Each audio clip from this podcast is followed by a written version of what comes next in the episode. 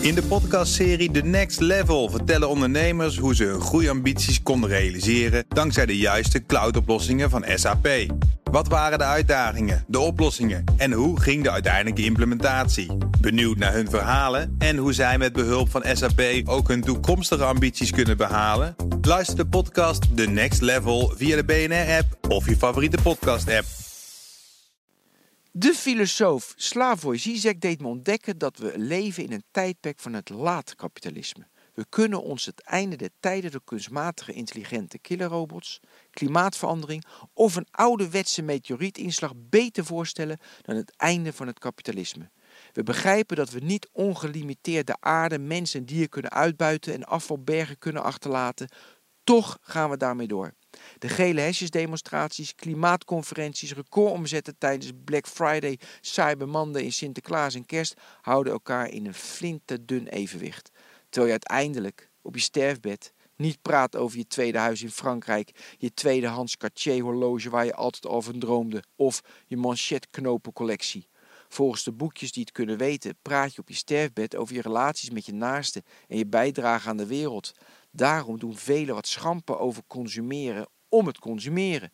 Je consumptiegedrag moet ergens toe leiden. Koop een ervaring. Koop geen boot, maar met die boot koop je weer een ervaring. Het blijft ingewikkeld. En daarom genoot ik afgelopen week van het proefschrift Fun shoppen heeft positieve invloed op levensgeluk. Esther Jansen onderzocht dat niet alle materialisten over één kam geschoren mogen worden. Ik parafraseer uit het FD. Alleen mensen die iets kopen om het gelukgevoelens op te wekken, die zijn ongelukkig. Koop je omdat je van winkelen en spullen houdt, of koop je omdat je bezit als maatstaf van succes ziet, dan ben je gelukkiger. Dat is best een bouwde uitspraak. Hoe lang werd het geluksgevoel gemeten? Wat vertelden die mensen aan het einde van hun leven? Nu het materialisme in het verdomhoekje is komen te staan, krijg je onderzoeken zoals Van Jasper om de nuance aan te brengen. Daarmee zaai je twijfel, waardoor de voorstanders van de consumptiemaatschappij hun gelijk kunnen halen.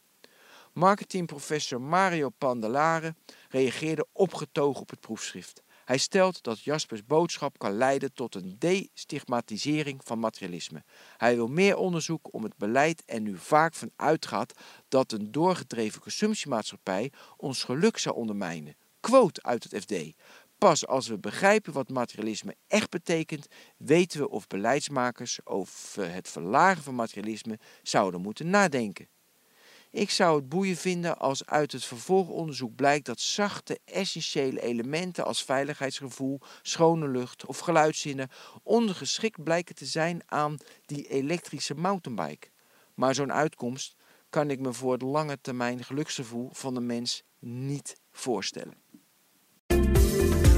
In de podcastserie The Next Level vertellen ondernemers hoe ze hun groeiambities konden realiseren dankzij de juiste cloudoplossingen van SAP. Wat waren de uitdagingen, de oplossingen en hoe ging de uiteindelijke implementatie? Benieuwd naar hun verhalen en hoe zij met behulp van SAP ook hun toekomstige ambities kunnen behalen? Luister de podcast The Next Level via de BNR-app of je favoriete podcast-app.